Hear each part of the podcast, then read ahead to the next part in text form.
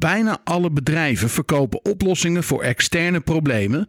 Maar als je het Storybrand Framework bekijkt, zul je zien waarom klanten liever een oplossing willen voor hun innerlijke frustraties. In deze aflevering van de Storybrand Podcast ontdek je hoe je dat doet.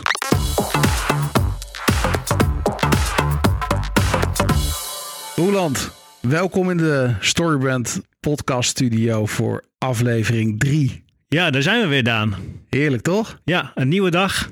Fantastisch. We gaan het uh, vandaag uh, hebben met uh, Chris van der Krieken, een grote zakenvriend van ons. Hij is een van onze belangrijkste businesspartners. Ja. Um, ja, we gaan het hebben met hem over het probleem. Ja, precies. En je hebt Chris gevraagd om specifiek bij, bij deze aflevering te komen, Daan. had je daar een bepaalde reden voor? Ja, dat weet ik nog. Toen, toen we dit gingen plannen, toen dacht ik waarom het probleem, waarom Chris? Omdat problemen zeg maar de tweede stap in het Storybrand Framework. En ja. nadat je hebt geïdentificeerd wie je de hoofdpersoon is in het verhaal, de klant, en wat die klant precies wil, moet je natuurlijk ook heel duidelijk gaan praten over het probleem van je klant. Op meerdere niveaus. Er zijn zelfs vier niveaus die in het boek worden uitgelegd. Het Storybrand boek. En als je dat boek nog niet hebt, ga naar storybrand.nl slash boek. Dan kun je jouw exemplaar bestellen. Maar twee niveaus, die wil ik even uitlichten. Dat is het externe probleem, het probleem van je klant zoals het zich in deze wereld voordoet. En het interne probleem, hoe de klant zich voelt over het probleem wat je voor ze kunt oplossen. En dat is het haakje waarmee een verhaal altijd begint. Een verhaal begint nooit zonder een probleem. Mhm. De rest van het verhaal willen we weten of het probleem wordt opgelost. Ja. Nou, Chris is een van de beste marketeers, durf ik echt oprecht te zeggen. Echt een van de allerbeste marketeers van Nederland. Ik heb hem heel hoog zitten, jij ook. We werken elke dag met hem samen. Het is Ja. een groot feest. Um, en in zijn advertising, want hij is advertising specialist, gebruikt hij altijd een haakje om mensen in een verhaal te krijgen. Gebruikt hij altijd een haakje om het probleem duidelijk te maken. En als je niet over dat probleem praat, gaan die advertenties niet werken. Nou, daarom dacht ik, we moeten Chris hebben. Ja, gouden combinatie. Ja. Ik ga hem voorstellen. Um, ik heb er weinig over te zeggen. Chris is Zoals ik al zei, een van de beste marketeers van Nederland. Hij is de eigenaar van het online marketingbureau Switch Online Marketing in Amsterdam. Hij heeft een prachtig team gebouwd van digital nomads die over de hele wereld zitten. En die samenwerken en hun klanten geweldige resultaten behalen. En um, ja, dit is het interview met Chris van der Krieken. Nou, Chris, superleuk om je in de studio te hebben. Ja, dankjewel voor je uitnodiging, uh, Daan. Ja, ik heb er echt naar uitgekeken. We werken natuurlijk al uh, een behoorlijke tijd samen. Ja. En, uh, en dan staan we hier opeens in de podcaststudio voor Storybrand. Ja, dat is toch te gek? Ik ja. vind het een, de kers op de taart van onze samenwerking, Daan. Leuk. Hey, vertel eens even. Um, je bent uh, verantwoordelijk voor uh, Switch Online Marketing. Dat is uh, het bedrijf wat je hebt opgericht. Ja. Maar hoe ben je daar gekomen? Hoe ben je gekomen op de plek? Ah, ik denk dat dat al heel vroeg begonnen is. Mijn voorliefde voor marketing en mijn liefde voor sales is best wel vroeg begonnen. Ja. Um, toen ik heel klein was, toen had ik een bijbaantje en toen werkte ik bij de V&D. En um, ik werkte bij de Laplace. Ja. En nou ja, wat eigenlijk mijn job was, was broodjes maken, um, koken voor de mensen, eigenlijk lekker eten maken. Ja. Alleen mijn uh, baas, die had al heel gauw door dat ik beter was in het verkopen van de broodjes dan uh, het maken van de broodjes. Fantastisch. Dus um, ik stond al gauw aan de voorkant van, uh, van de stand, zeg maar. In plaats Ja. van achter de stand om de broodjes te bakken. En dan was ik de mensen die, die um, de roltrap opkwamen aan het verwelkomen en onze broodjes aan het verkopen. Ja. En ja, daar begon eigenlijk mijn liefde voor marketing en mijn liefde voor sales. Omdat ik zag wat voor een enorm verschil het maakte. Ja. En um, ja, hoeveel meer broodjes we verkochten als ik voor de broodjeskraam stond. Ja, kikker joh, maar dat was al heel jong dan. Uh, ja, toen was ik 16. Dat was echt een van mijn eerste bijbaantjes. Ja. En vanuit daar heb ik eigenlijk altijd banen gehad in, uh, in de sales en in de marketing. Nou, wat ik eigenlijk altijd deed was, ik ging heel hard werken, heel veel geld verdienen en dan ging ik uh, naar het buitenland. Er was er altijd een drang in mij die, uh, die op zoek was naar vrijheid. Ja. En ik ging eigenlijk altijd naar het buitenland en dan kwam ik weer berooid terug, had ik al mijn geld uitgegeven en uh, kon ik weer bij nul beginnen. En daar werd ik op een gegeven moment wel, wel moe van. Ja. Dus toen um, ben ik eigenlijk begonnen bij de, bij de IMU, Ja. Internet Marketing Unie. En um, bij mijn goede vriend Tony Loorbach Ja.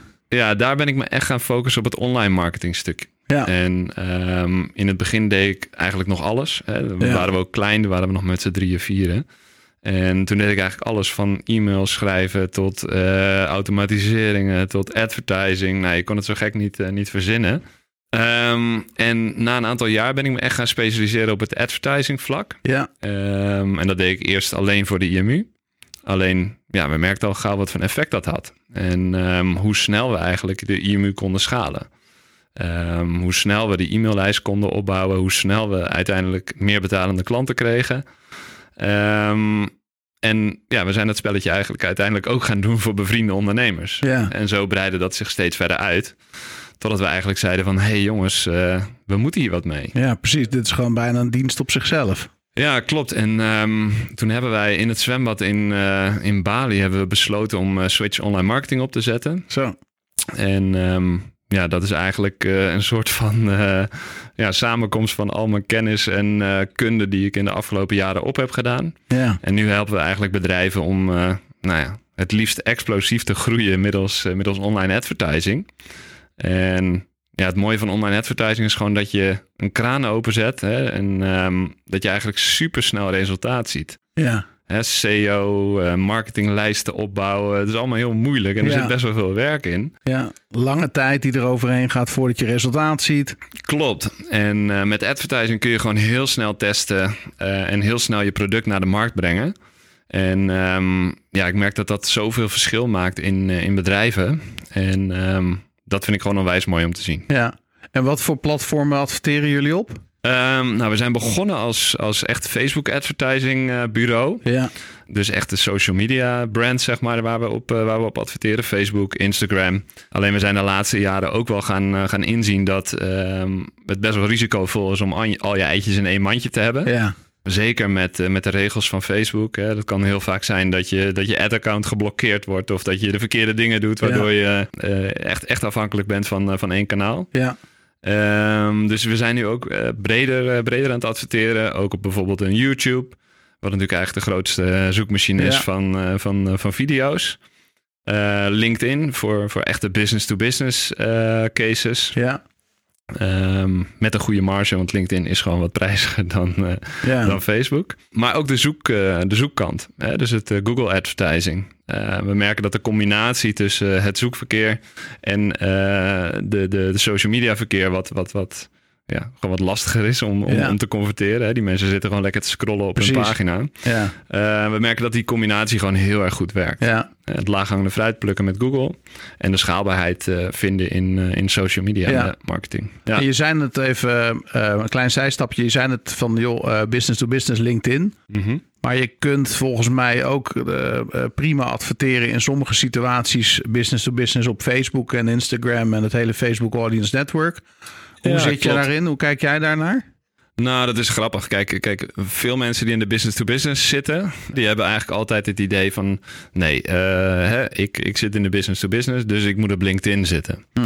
Ehm, alleen de realiteit is, ook een eigenaar van een onderneming, Ja. eh, die zit op het toilet en eh, ja, die zit dan meestal niet op LinkedIn te scrollen, maar op een Instagram of een Facebook. Hè? Ja. Zijn, het zijn eigenlijk net mensen. ja. Ehm, en zo moet je ze eigenlijk ook altijd benaderen. En eh, dat kan als je de juiste, juiste boodschap gebruikt. Ja, mooi. dat is een mooi haakje naar, naar Storybrand. Ja. Eh, als je de juiste boodschap gebruikt, dan kun je ze ook activeren op, eh, op de social media kanalen. Ja, ja, om daar meteen op door te gaan. Ehm, adverteren is natuurlijk constant inspelen op de behoeften van eh, de klant.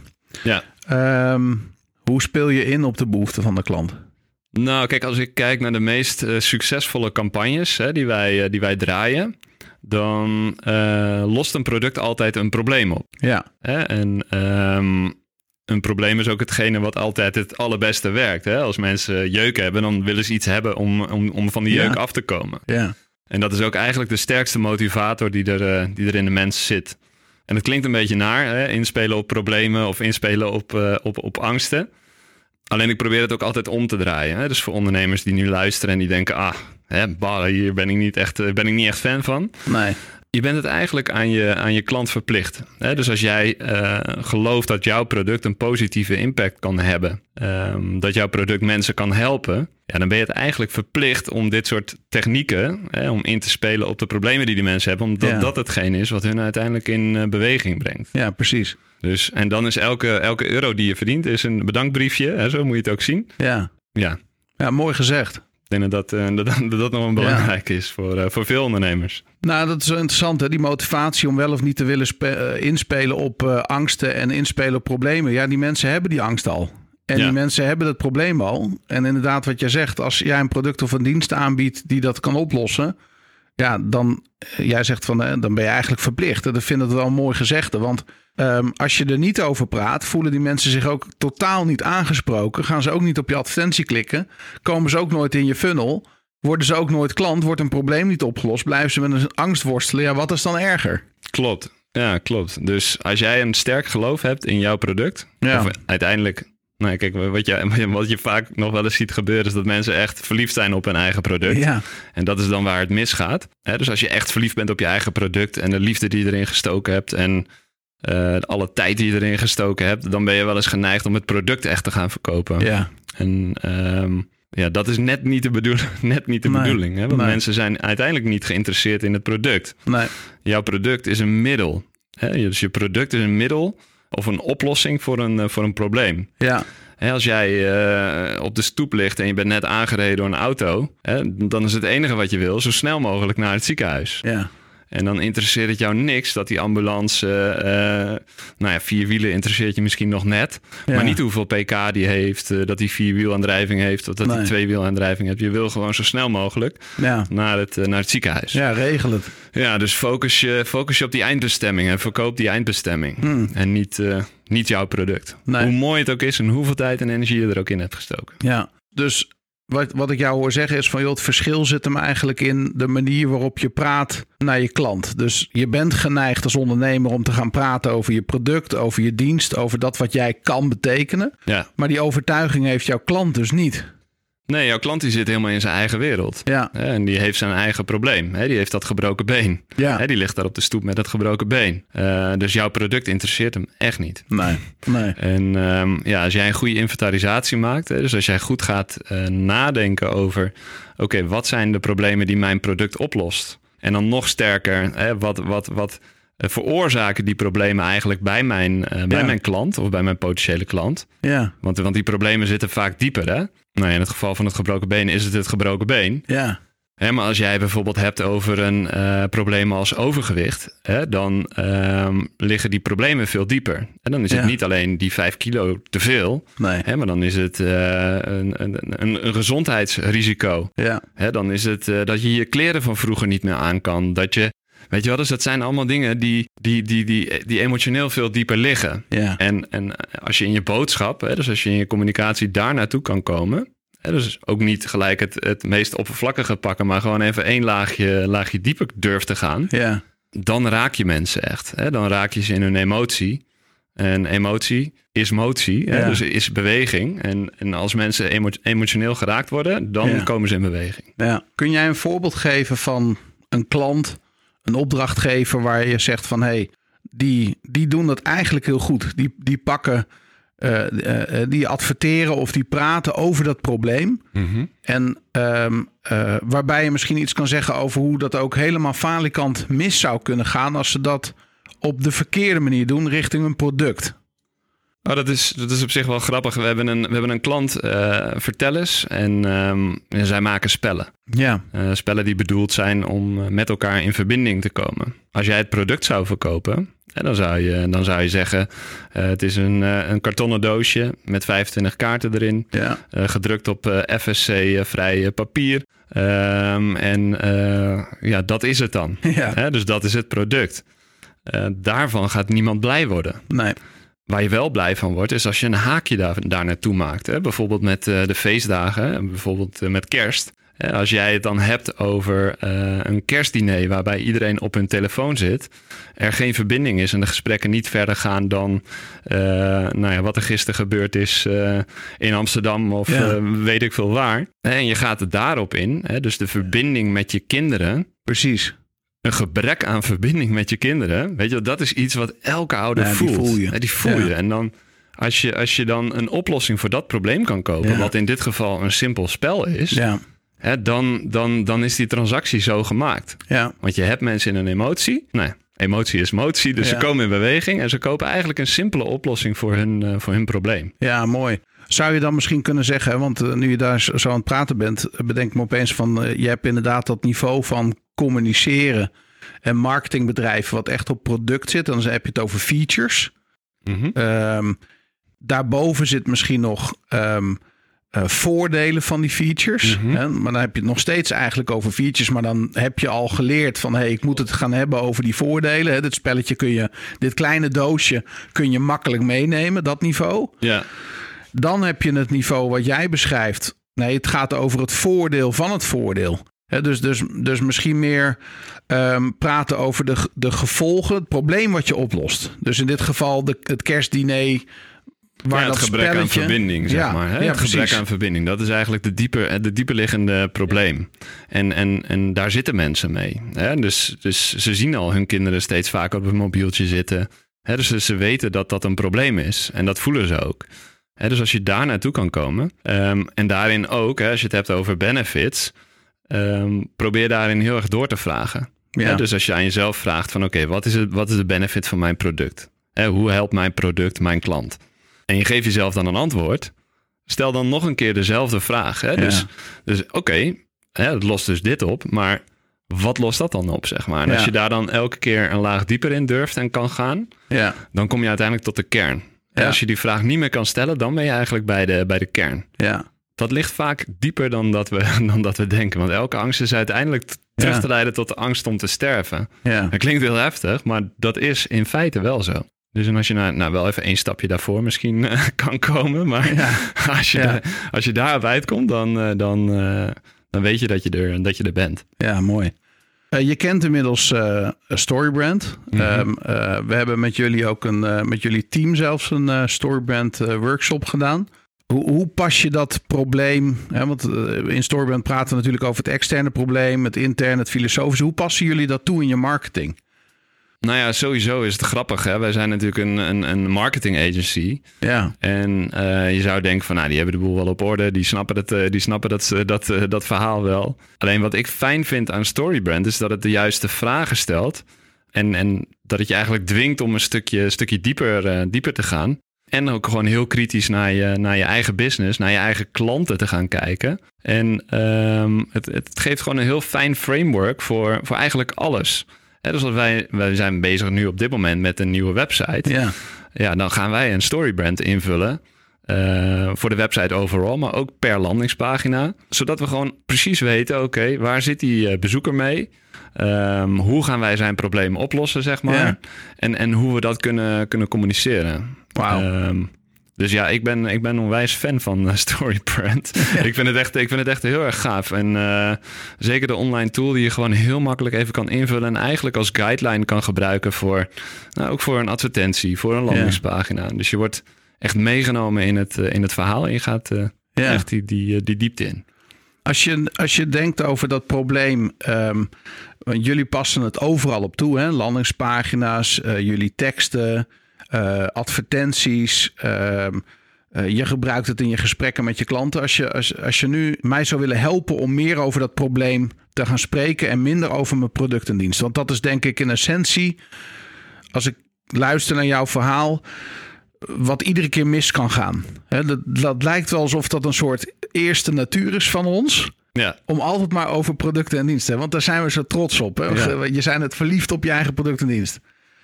Kun je me in een paar stappen meenemen of, of ehm, een richting geven als luisteraar? Hoe kan ik, ah, hoe kan ik überhaupt zien dat ik dat aan het doen ben? Waar, waar- waar- waar zou ik dat dan kunnen merken? Misschien mijn Salesforce, hè? als je salesmensen hebt lopen. ja. Of in je marketing. En wat kan ik doen om dat te veranderen? Nou, ik denk dat je heel kritisch naar je eigen, naar je eigen website eh, moet kijken. En dat is heel lastig, hè? want we hebben allemaal een beetje een soort van beroepsdeformatie. Je hebt je eigen website al eh, Ja. duizend keer gezien. Je hebt er ook al duizend keer over nagedacht. Ehm, Maar probeer er een keer naar te kijken als uh, zeg maar onwetende. Als iemand die gewoon geen achtergrondkennis heeft van jouw product, geen achtergrondkennis heeft van jouw dienstverlening, van je bedrijf. Um, en verplaats je je dan genoeg in jouw doelgroep? Ja. Um, wij werken altijd met, met het maken van een, van een klantavatar, hè, waarbij je eigenlijk gaat graven in, in, in, in je doelgroep. Je gaat eigenlijk gewoon echt heel diep um, naar wat, wat jouw klant beweegt. Ja. Uh, en inderdaad ook naar wat zijn, wat zijn problemen zijn. Um, als je dat nog nooit gedaan hebt, hè, dus als je nog nooit echt Ja. een diepe klant, klantavatar gemaakt hebt, dan zou ik daar echt mee beginnen. Ehm, en omdat dat je gewoon ja, veel meer richting geeft op je, op, je, op je website en eigenlijk op al je, al je uitingen. Ja. Ehm, dus daar zou ik in, in, in ieder geval starten. ja, dat is een mooie. Dat is volgens mij ook de stap die in marketing het meeste wordt overgeslagen. Omdat we dan heel vaak, tenminste, ik weet niet hoe het met jouw klanten zit, maar onze klanten zeggen vaak, ja, maar dat weet ik al. Ja, ja dat, is, dat is het mooiste. Hè? En, en dat weet ik al. Ja, Of in mijn, in mijn markt werkt het anders. Of, eh, hè, maar mijn klanten, hè, mijn klanten zijn zus en zo. Hè, iedereen vindt zichzelf uniek. Ehm, maar uiteindelijk doen we allemaal hetzelfde. ja, Hè, we zijn allemaal pro- problemen aan het oplossen voor onze klanten. ja, En uiteindelijk zijn onze klanten ook allemaal hetzelfde, want ze zijn allemaal mensen. ja. Ehm, dus dat moet je nooit uit het oog, nooit uit het oog verliezen. En nooit aannames doen over je klanten. Nee. Dat, ja, assumptions are the mother of all eh, screw-ups, zeg maar. Dus ja mooi. ehm, ja, dat is echt het gevaarlijkste wat je kan doen. Ja. Of mijn klanten vinden het niet fijn als je mailt. Of mijn klanten vinden dat niet leuk. Of mijn klanten zitten niet op Facebook. Of Nee. oké, er zijn 11 miljoen eh, Facebook profielen. Er zijn 7 miljoen eh, eh, Instagram profielen. Maar jouw klant zit er niet tussen. Ja, Oké. ja. Weet je, dat zie ik gewoon heel vaak, dat Ja. zie ik heel vaak gebeuren. Waardoor je echt Punt, man. kansen, waardoor je kansen laat liggen. En ook jezelf als benchmark houden. ja. Dat is ook echt iets wat ik veel te vaak nog zie gebeuren bij ondernemers. Hè? Dus als iemand zegt, eh, ja, ik, ik open nooit die mailtjes. ja precies. Nou, prima dat jij die mailtjes niet opent. Maar ik kan je garanderen dat als jij een mailinglijst hebt van 10.000 man... Ja, dat er van die 10.000 man echt een aantal mensen jouw mailtjes gaan openen. 100 En gaan klikken en gaan kopen. Ja, Hè, dus ja, hou jezelf niet als benchmark. nee. En eh, ga zonder aannames een klantavatar maken. Ja, En wees daar eerlijk in. En ja, ga Ja. desnoods eh, collega's eh, daarbij betrekken. Of misschien externe daarbij betrekken. ja. Marketing is wat dat betreft wel echt een vakgebied, heb ik het idee. Het zal ongetwijfeld in andere sectoren ook zo zijn, maar wij werken natuurlijk allebei in het marketingwereldje. Ehm, waar heel veel belemmerende overtuigingen ons tegenhouden om succesvol te zijn. Ja, 100 procent. Ehm, en wat, wat ik altijd eigenlijk zeg is: eh, bedenk niet of je het kan toepassen, maar bedenk hoe je het kan toepassen. Ja, En dat, is een, dat, dat lijkt het verschil van één woord, maar dat is een wereld van verschil. Ja. Want als jij gaat bedenken: oké, hoe kan ik dit toepassen in mijn business? ja, Dan ga je in één keer de mogelijkheden denken. En dan, ja, ik zie bij alle grote ondernemers dat, dat ze deze mentaliteit hebben. Dus dat ze gaan denken: oké, hoe kan ik dit toepassen in mijn Mm. business? Ehm, ja, ik ja. denk dat dat. eh, Heb je nu, ehm, als we het toch over problemen hebben in deze ehm, eh, coronacrisis, waar we, eh, tenminste ja, het is maar net wat je gelooft. ja. Hè, maar ehm, hoe zie jij de kansen juist in deze tijd? Hè? Want als we het dan over een van de problemen hebben die de luisteraar waarschijnlijk ook heeft, is de wereld is veranderd. Heel veel dingen zijn anders. Misschien reageren klanten wel anders. ja. Investeringsgedrag, patronen. Er kan van alles zijn waardoor je business verandert. Hoe kijk jij daarnaar? Oeh, ja, hele mooie. Ehm, sowieso vind ik het echt grappig om te aanschouwen wat er gebeurt. Ja. Hè? Om, om, om te zien hoe, eh, hoe, hè, wat voor een impact het eigenlijk heeft. Ehm, en ook daarin kun je inderdaad eh, twee manieren daarmee omgaan. Hè? Op twee Ja. manieren daarmee omgaan. De ene is meer de slachtofferrol van het overkomt me. Dit Ja. is eh, wat er gebeurt. Iedereen heeft die last van. Dus mijn business gaat, gaat naar de Filistijnen. Of je denkt, hey, er is een verandering aan de gang in de markt. Er is beweging in de markt. Die beweging die kan twee kanten uitgaan. Ja, als jij gaat vragen aan eh, een producent van eh, fitnesstoestellen... eh, wat, wat voor jaar hij heeft gedraaid afgelopen jaar... zo. of home training equipment... er is een verandering aan de gang in, in, in de hersenen van mensen. Ja. Dus dit, dit, is, dit is een gebeurtenis ja, ik heb laatst in een podcast gehoord. Er zijn zeg maar vijf levensveranderende gebeur, veranderende gebeurtenissen. Hè? Het Hmm. krijgen van een kind is daar bijvoorbeeld één van. Als dat gebeurt, als jij vader wordt, dan verander jij helemaal. Ja, Hè? Dus dan ga je Ja. nooit meer hetzelfde zijn. ja, En ik hoorde dus dat corona, dus de zesde, eh, het zesde event is eigenlijk Hmm. life-changing event. ja, Waardoor onze prioriteiten anders zijn te komen liggen. ja, Ehm, daar liggen kansen. Ja, Hè, dus op het moment dat er een shift is in, in, in nou ja, de algehele paradigm van, van de mensheid, zeg maar, dan liggen daar kansen. Hè? Dus mensen hebben een grotere focus op gezondheid. ja, Als je ziet naar klanten die bij ons afgelopen jaar gigantisch zijn gegroeid, dan zijn dat de klanten die in de gezondheidsbusiness zitten. ja, Mensen zijn veel bewuster bezig met voeding, ja, veel bewuster bezig met, eh, met vitamine, met sport, met beweging, met ja, ook mentale gezondheid. ja, Ehm, maar ook in opleidingen. Persoonlijke groei is veel belangrijker geworden. Mensen luisteren meer naar podcasts. Mensen zijn bezig met zichzelf, hè, in zichzelf Ja, investeren. Hebben daar de tijd voor gekregen. Zijn echt stilgezet. Hè, normaal zit je in een soort eh Ja. allesvernietigende de- draaikolk van het leven. Eh, zijn de restaurants allemaal open? Zijn er festivals overal? Hè? Word je overal naartoe gezogen? En toen stond in één keer de wereld stil. Ja, Daar liggen kansen. Als jij met jouw business zeg maar kan bedenken... oké, er, is- er heeft een shift plaatsgevonden in, in de minds van, eh, van de mensen.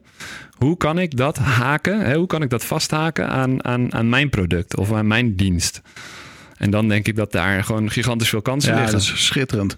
Want je noemde net het woord paradigmaverschuiving. Hè? Dus dat je compleet anders naar een situatie gaat kijken. Dat, eh, dat overkomt ons allemaal. Eh, maar je kunt er ook bewust voor kiezen. Hè? Om, om eh, wat je net eigenlijk als je ze combineert. En je zou eh, als ondernemer nu luisteren naar deze, naar deze podcast. Ga eens kijken vanuit wat er nu in de wereld gebeurt. En welke eh, ehm, problemen los jij misschien nu nog wel meer op dan ooit tevoren met je product of dienst?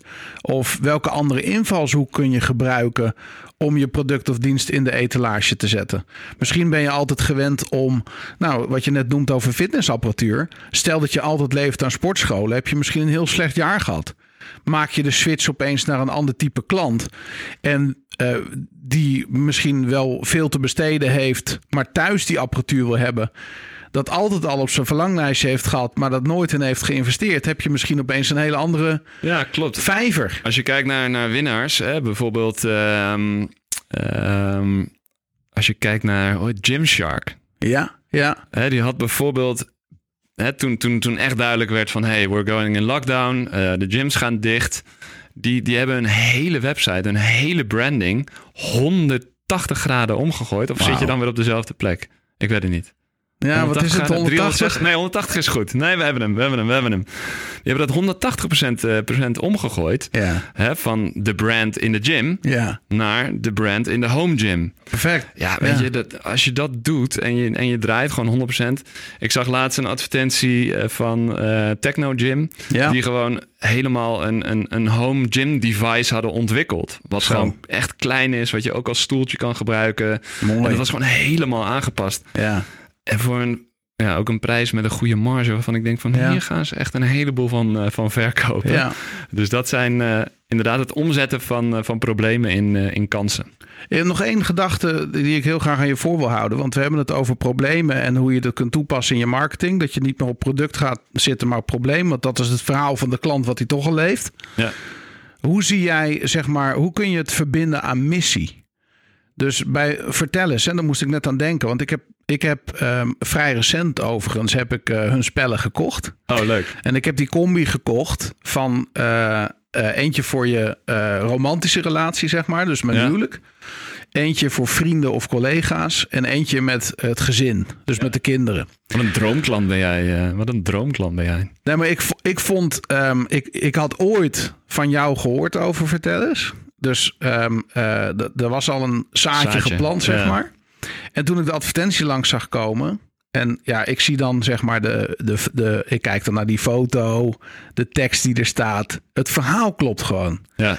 Voor mijn gevoel zat er ook iets in van een soort missie. Zo van, Mhm. we hebben een hoger doel. Ja. Het gaat niet alleen om, om het spel. Tuurlijk, het is een bedrijf. Ze willen ook winst maken en een goed leven hebben. Ongetwijfeld. Het is geen filantropische instelling. Nee. Maar ik proefde iets van, hé, hey, maar dit is meer dan alleen maar gewoon plat cashen met een spel. Snap je wat ik bedoel? Klopt. De, en ik voelde ook iets van die missie erin. Kun jij iets daarover zeggen? Want we hebben het over probleem. Maar we hebben het dan ook zeg maar over missie. Kun je daar gebruik van maken in je marketing? Kun je dat combineren? Nou ja, kijk, ik denk dat mensen daar ook heel erg op aangaan. Hè? Op het moment dat jij een hoger doel hebt. Hè? Het doel van, van Vertel is om uh, mensen met elkaar ja. in verbinding te brengen. En met zichzelf in verbinding te brengen. Dat zijn eigenlijk de twee, uh, de, de, twee pijlers. Ja. Hè? Omdat we gewoon merken dat, uh, dat, dat daar gewoon echt, echt, echt een grote uitdaging, grote uitdaging ligt in een maatschappij die steeds meer gericht is op het in jezelf keren, zeg ja. maar. Hè? Dus uh, ja, externe prikkels van Instagram, van Facebook, van ja. de hunt voor de likes, zeg maar. Mm. Wanneer, is tijd om, wanneer heb je tijd om stil te staan in deze maatschappij? Ja, Bijna eens. nooit. Nee. En um, terwijl daar juist ook een heleboel groei, groei zit. Um, dus 100% dat als jij een, een goede missie hebt ja. uh, en daarmee een goed verhaal, hè, want Ja. dat is ook wat we veel uh, doen in onze advertenties, is een techniek die story selling heet. Ja. Hè, dus je maakt eigenlijk gebruik van een verhaal om, om, om je producten te verkopen. Ja. Ja.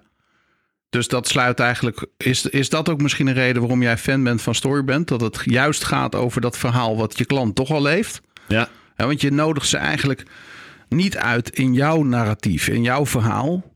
Maar je probeert aan te sluiten op het verhaal wat ze in hun eigen hoofd al afdraaien. Ja, klopt. Ik denk dat zeg maar de, de, uh, het naast je klant staan, hè, Ja. in plaats van, van, van tegenover je klant staan. Hè, en, en aangeven van wij begrijpen jou. Hè, we begrijpen dat, je, dat jij een probleem hebt, want dat is Ja. een probleem. Ja. Hè, eh, het is volgens mij iets van 70% van, van, van de Nederlanders eh, heeft met, eh, met stress en burn-out Ja, te mega. maken. Dat is Dat is een gigantisch issue. Ja. En als je dat onderkent als bedrijf en zegt van... hé hey jongens, wij hebben hier, wij hebben hier een, een, een, een, een oplossing. Ja. Of een gedeeltelijke oplossing in ieder geval. Ja. Ja, dan, dan, dan weet je mensen ook wel echt aan je kant, aan je kant te krijgen. En dan wordt die transactie wordt ook meer het helpen van iemand... in plaats van het verkopen aan iemand. Precies. En dat is een veel fijnere... Het is Ja. gewoon voor jezelf een veel fijnere manier van, eh, van verkopen. Ja, ja, eens. Kijk, mensen worden niet wakker om bijvoorbeeld eh, een methode eh, te leren. Of ze worden niet wakker van hey, om, om te gaan sporten. Hè, Mhm. Natuurlijk, dat kan, ook, dat kan nog wel. Maar in principe worden mensen wakker, staan op, beginnen hun dag. En dan willen ze bepaalde dingen bereiken. Dus stel dat jij een fitnessschool hebt, dan ehm, er is een reden waarom jouw klant naar die sportschool komt. En dat is vaak niet primair om alleen maar te sporten. Ze willen gezonder worden, fitter worden, zich beter voelen. Ehm, het gevoel hebben dat ze verantwoordelijkheid nemen voor hun gezondheid. Eh, Er kunnen allerlei redenen zijn waarom jij iets doet.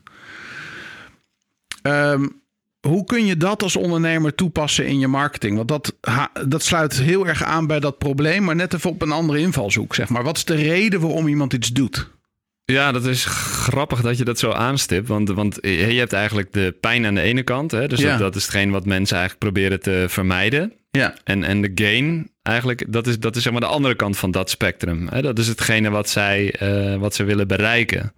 Ehm, wel grappig om in je achterhoofd te houden dat zeg maar de, de, de, de pijnkant, dat dat eigenlijk de gemakkelijkere kant is. ja, Hè, dus mensen zijn eh, eerder angstig om iets te verliezen ja, dan dat ze de wil hebben om iets te winnen, ja. zeg maar. Ja, En dat is, eh, ja, dat is, dat is een heel raar, raar gebeuren, maar Ja. dat, dat, is wel, eh, dat is wel de realiteit. Dus ik zou me in eerste instantie echt wel focussen op die, op die problemen. ja, Ehm, maar de gains, hè, dus wat wil, je, wat wil je ten positieve bereiken, die kun je zeker gebruiken Ja. in, in je marketing. Als je daar een helder beeld van hebt, ja, hè, van wat wil jouw klant bereiken, wat is zijn, eind, eh, wat is zijn einddoel. ja, En dan inderdaad ook doorvertaald. Hè, dus hij wil niet, eh, niet alleen fit worden, alleen, alleen maar om het fit worden, zeg maar. Daar zitten wel dingen achter. En uiteindelijk wil hij langer leven. ja, ja, En wil hij langer van zijn kinderen genieten en langer Ja. van zijn vrouw genieten. ja. En dat, is waar, waar, het, waar het uiteindelijk echt om, eh, Ja. echt om gaat, zeg maar. Nou, misschien is dat wel de belangrijkste tip die je eh, ons vandaag hebt gegeven. Stel gewoon keer op keer die vraag. Dus de vraag, hè, waarom wil iemand iets? Of wat is het probleem? Ja, En waarom is dat een probleem? En wat is daar het probleem van? En wat is daar het gevolg van? zoek Echt bij die op. diepere, Ja. precies. Ja, Wordt, geen, eh, wordt geen pannenkoek, zou, eh, zou, zou Tony hier eh, gezegd hebben. Mooi. Ehm, waar kan ik naartoe om meer te weten over Chris of Switch Online Marketing? Onze website is switchomottomarie.nl.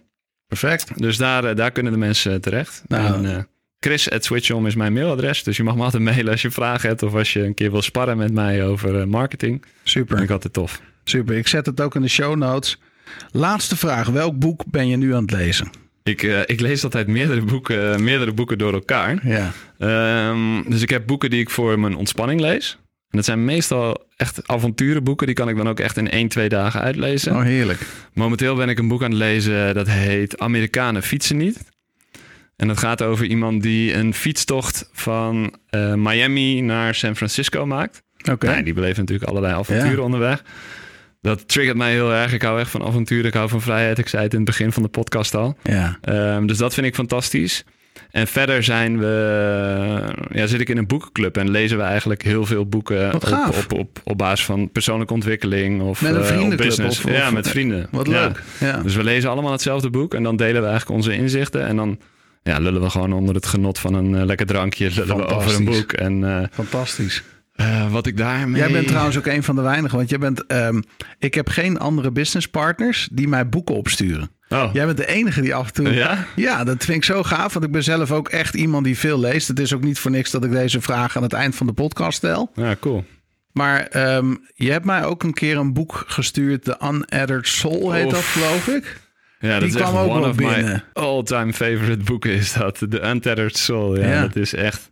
Nou ja, het grappige is dus, wij zijn met die boekenclub nu steeds verder uh, de, de, de persoonlijke ontwikkeling ingedoken. En uiteindelijk kom je Ja. uiteindelijk echt bij spiritualiteit uit. En Ja. ehm, het grappige is dat, dat het allemaal, zeg maar, het komt allemaal neer op, op dezelfde principes, zeg maar. Ja. En, die, en die voeren heel ver terug in de geschiedenis. Dus wij zitten nu in boeken van 2.000, 3.000 jaar oud te, Ja. te, te, te lezen. Ja, Waarvan je soms denkt van wat ben ik aan het lezen? Maar eh, die universele waarheden, kijk, als het de tand destijds zo lang overleefd heeft, ja, dan moet het wel ergens een kern van waarheid hebben, zeg maar. En ehm, ik denk dat alle eh, grote, grote namen, zeg maar, putten uit, uit die eh, bron, hè, de originele Ja. bron van, van, van kennis, zeg maar. En, de- Ja. en ik vind het vet om helemaal terug te gaan naar de, naar de basis. Awareness van Antonine Milo is ook echt een van mijn favoriete boeken. Die lees ik eigenlijk best wel vaak ook Ja. gewoon terug. Of Gewoon dat zijn van die kleine hoofdstukjes en dat die kun je gewoon altijd even erbij pakken.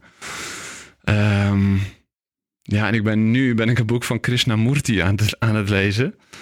Maar dat is, eh, dat, dat is eigenlijk meer een eh, soort, eh, soort dagboek. Ja. Waarbij je eigenlijk elke dag één, één stuk leest. ja, En die lezen we dan nu met de boekenclub, lezen we dan een kwartaal. En dat gaat dan over verschillende thema's. Dus dat gaat dan over mooi. nou ja, de liefde, het leven, de, nou ja, al dat soort, dat soort diep, diepere onderwerpen, zeg maar. Dus ja, dat is, dat is te gek. Ja, dus Nou, ik lees redelijk wat. Ja. fantastisch. Ja, we gaan ze gewoon allemaal in de podcast show Ja, zetten. doe dat, doe dat. Dit zijn Dus- wel echt mijn, mijn, mijn favorieten. Dus, Dus eh, als je nu luistert, zoek gewoon even de show notes op. Dan zetten we alle boeken die Chris net genoemd hebt, eh, heeft, eh, die zetten we erin. Hey Chris, onwijs bedankt. yes, heel graag gedaan, Daan. Ja. En succes met de podcast en succes met het uitrollen van Storybrand Nederland. Ja, dankjewel. All right. Nou Roland, dat was het interview met Chris van der Krieken. Wat vond je ervan? Ja, ik vond het eh, w- wat hij kan vertellen over de problemen, hoe hij daar constant mee bezig is om die advertentie goed te krijgen, om dat, dat haakje te vinden, zeg maar. Ja. Ja, dat is, dat is heerlijk. Dat, Ja, is, lekker, eh, dat is gewoon een, een genot om naar te luisteren eigenlijk. eh. vooral ehm, ja, wat, wat hij ook al zegt over Storybrand. Hè? Eigenlijk, Ja. waarom, hou- waarom houdt Chris van Storybrand? Ja, Omdat je je dwingt om die kritische vragen te stellen. klopt. Dat, eh, ja, dat, die ervaring hebben we zelf ook. Maar ik vind het Ja. leuk om dat dan ook van anderen te horen. Ja, En eh, ja, wat, ik, wat ik zelf heel leuk vind is eh, het voorbeeld wat hij gaf over eh, een van zijn klanten, Vertellers. Waar hij dan zegt van ja, als je niet over dat probleem, probleem praat, dan, dan, heb je is, alleen een product. dan heb je alleen een product. En dat Ja. is bij Vertellers is dat, het zijn kaartspelletjes. Ja, dus een, ja, een paar kaarten in de plastic en ja, dat, dat is het zeg maar. Ja, Ja. Dat, dat wil je nooit kopen natuurlijk. Nee. En ik, ik denk dat wat Chris eigenlijk wil zeggen is dat heel veel ondernemers of heel veel bedrijven die zijn niet vaak genoeg bezig om heel goed na te denken over dat probleem. Nee. En als je dan dat voorbeeld erbij pakt wat hij geeft, ja, nu lachen we erom. Maar ik denk als je gaat kijken in de praktijk, dat er best wel wat ondernemers zijn die dat wel doen. Ja, eens. Nou, dit wat je nu zegt, dat is ook echt het belangrijkste boodschap die we vandaag nog aan je mee willen geven als je aan het luisteren bent. Luister niet alleen naar de verhalen. Kijk naar je eigen marketing. Hoe doe jij het? En verander alsjeblieft je boodschap op je website, in je brochures, in je offertes, in je presentaties, in je e-mails. En ga zomaar door om ervoor te zorgen dat je veel betere resultaten gaat halen. Want dat is de belofte van Storybrand. Gebruik deze universele principes, deze universele taal. Mensen spreken geen Frans. Mensen spreken geen Italiaans, Chinees of Engels. De universele taal van de mens is verhalen. En de zeven principes uit het framework van Storybrand helpen je om je boodschap helder te krijgen, zodat klanten naar je gaan luisteren. En denk inderdaad niet zoals Roeland zegt: ja, wat een leuk verhaal en wat dom eigenlijk als je uh, dat zo zou doen. Nee, maar laten we heel eerlijk naar onszelf kijken. Doen wij dat ook? Zo ja, wees eerlijk en verander het. Ja, besteed de tijd aan. That's it. Hè? Ja, ja, en eigenlijk geeft Christy geeft ook al, hij geeft ook al aan hoe hij het doet. Dus gewoon die Ja. vraag stellen. Ja. En niet één keer, nee, net zo lang totdat je bij de kern bent en je eigenlijk niet verder kan. Precies. En dan heb je boven tafel wat je boven tafel wil hebben. Ja, nou dat was het voor deze week. Ehm, eh, volgende week hebben we aflevering nummer Vier. 4 met eh, Michiel Hoordijk, de directeur van het instituut Midden- en Kleinbedrijf. En dan gaan we het hebben over het zijn van de gids voor je klant. Ja, een van de leukste onderdelen vind ik dat, eh, Daan. Ja, dat is denk ik ook de grootste paradigmaverschuiving die wij zien bij klanten wanneer we hiermee aan de slag gaan, of niet? Zeker weten. Echt, ja, Ja. klopt. Dus volgende week Michiel Hoordijk, instituut Midden- en Kleinbedrijf. Ehm, die komt eh, volgende week eh, uit. Tot dan.